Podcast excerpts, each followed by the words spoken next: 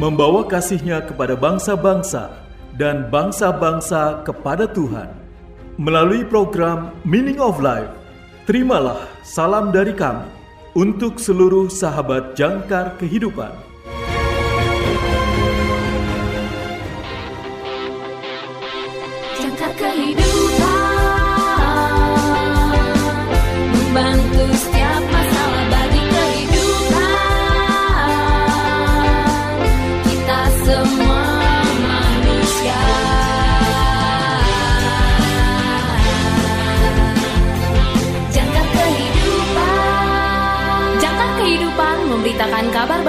Buat kita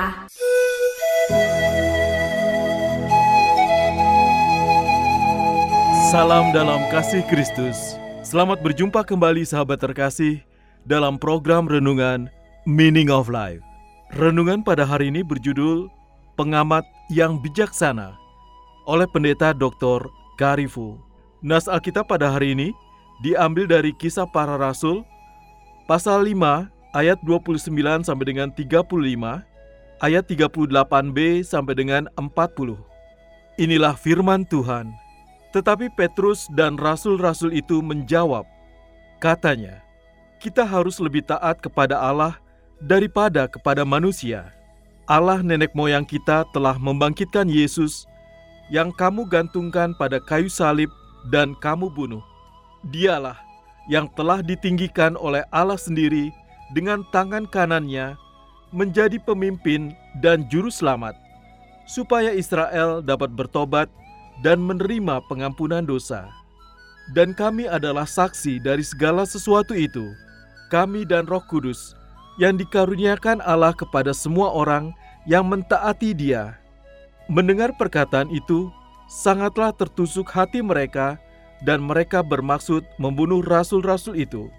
Tetapi seorang Farisi dalam mahkamah agama itu, yang bernama Gamaliel, seorang ahli Taurat yang sangat dihormati seluruh orang banyak, bangkit dan meminta supaya orang-orang itu disuruh keluar sebentar. Sesudah itu ia berkata kepada sidang, "Hai orang-orang Israel, pertimbangkanlah baik-baik apa yang hendak kamu perbuat terhadap orang-orang ini. Janganlah bertindak terhadap orang-orang ini.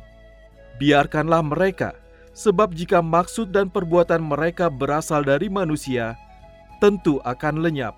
Tetapi kalau berasal dari Allah, kamu tidak akan dapat melenyapkan orang-orang ini. Mungkin ternyata juga nanti bahwa kamu melawan Allah. Nasihat itu diterima. Mereka memanggil rasul-rasul itu, lalu menyesah mereka dan melarang mereka mengajar dalam nama Yesus. Sesudah itu, mereka dilepaskan. Sahabat yang terkasih, Gamaliel sangat baik hati. Saudara jarang menemukan seseorang yang memiliki akal sehat dan pengendalian diri di saat konflik.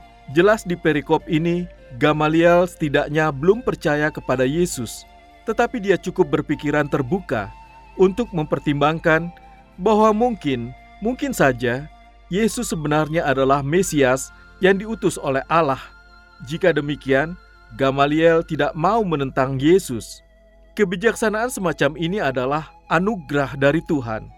Oh, itu bukanlah hikmat surgawi yang diberikan Roh Kudus kepada kita untuk mengenali dan percaya kepada Yesus. Ini adalah sesuatu kebijaksanaan yang mungkin kita sebut itu. Jalan tengah sementara antara menolak Yesus dan menyebut Dia sebagai Mesias, Juru Selamat, dan Tuhan. Kebijaksanaan Gamaliel tidak cukup untuk menyelamatkannya, tetapi cukup untuk menjadi tempat berdiri sementara sampai Roh Kudus melakukan pekerjaan penyelamatannya. Mungkin biasa menemukan orang yang hidup di antara cinta dan benci.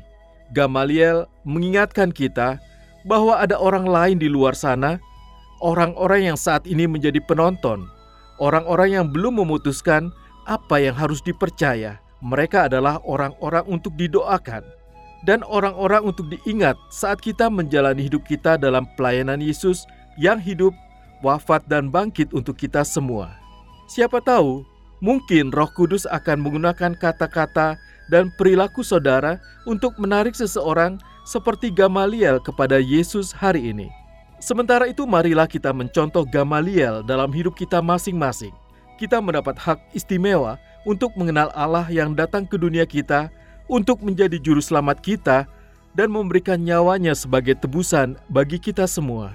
Berdoalah, semoga hal yang sama segera terjadi pada para pengamat dalam hidup saudara. Sahabat yang terkasih, marilah kita bersatu dalam doa. Ya Bapa, terima kasih atas hikmat Gamaliel. Tolong arahkan hati mereka yang membagikan kebijaksanaannya untuk mengenal putramu Yesus Kristus dalam kepenuhan kasih dan kebenarannya. Amin.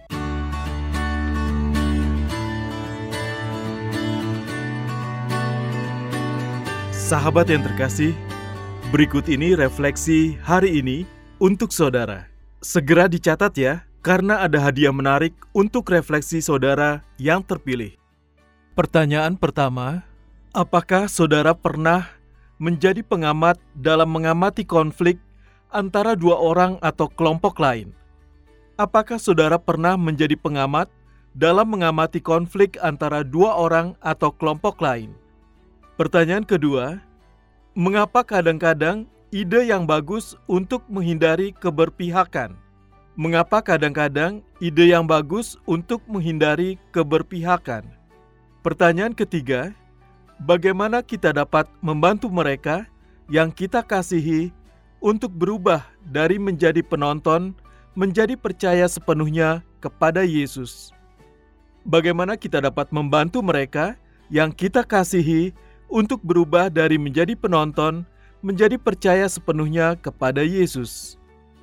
Tersedia bingkisan menarik untuk refleksi saudara yang terpilih. Atau jika saudara memiliki kesaksian terkait dengan renungan hari ini, Kirimkan jawaban refleksi dan kesaksian saudara melalui nomor WA atau WhatsApp kami di 0853 1056 8008 0853 1056 8008 atau di plus 62 853 1056 8008 plus 62 853 1056 8008 untuk saudara yang tinggal di luar Indonesia.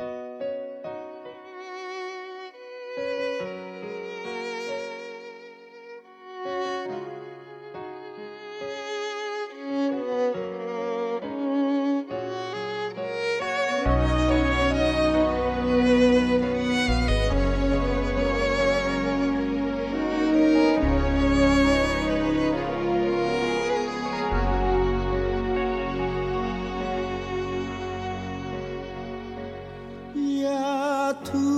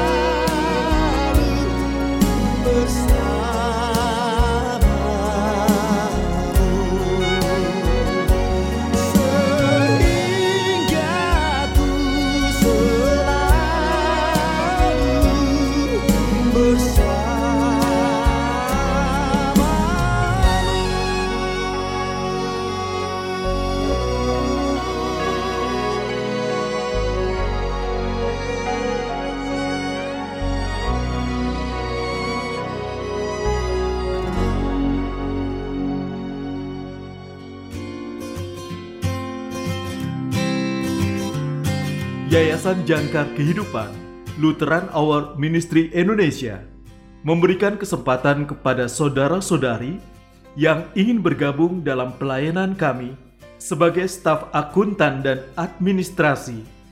Jika saudara dan saudari lulusan S1 berpengalaman 2 tahun di bidangnya, jujur, teliti, disiplin, dan dapat bekerja sama dalam tim, aktif dalam bahasa Inggris, baik lisan dan tulisan, berdomisili di daerah Jakarta.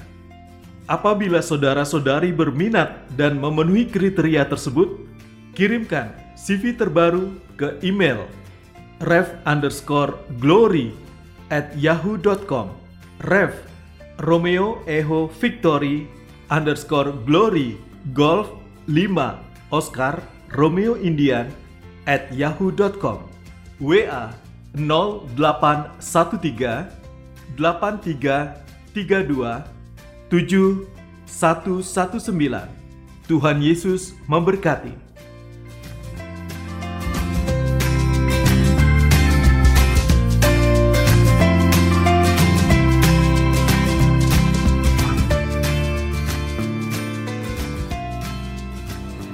Halo adik-adik, jika adik-adik berusia 5-12 tahun, ikuti Lomba Cerita Paskah 2023. Buat video kamu tentang Paskah dengan durasi maksimal 4 menit. Upload video kamu di Instagram dengan tag at the Jangkas dan sertakan hashtag K1, hashtag K2, hashtag YJK, hashtag Lomba Paskah YJK 2023. Jangan lupa follow Instagram kami at the Jangkars. Video akan dinilai dari kreativitas dan kandungan paskah dalam cerita. Periode lomba ini 20 Maret sampai dengan 14 April 2023. Pengumuman pemenang tanggal 17 April 2023. Info selengkapnya hubungi 0821 2339 9178 0821 2339 9178 atau di 0853 1056 8008 0853 1056 8008 Buruan buat videonya, kakak tunggu ya. Tuhan Yesus memberkati. Terima kasih saudara sudah mendengarkan program Meaning of Life. Persembahan Yayasan Jangkar Kehidupan. Jika saudara membutuhkan dukungan doa, silakan hubungi kami.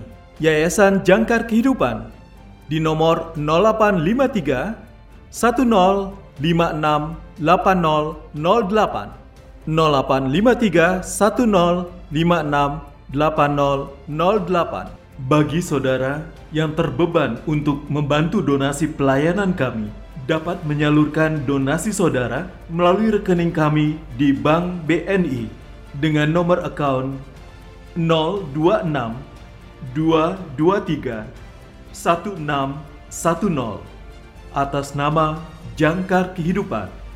Bank BNI dengan nomor account 026 223 1610 atas nama Jangkar Kehidupan.